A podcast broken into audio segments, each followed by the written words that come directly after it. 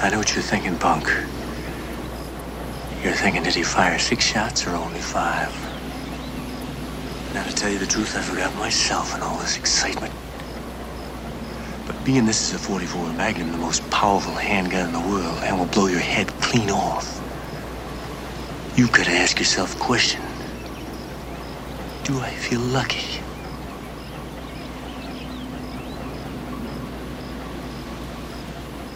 Well, do you, punk.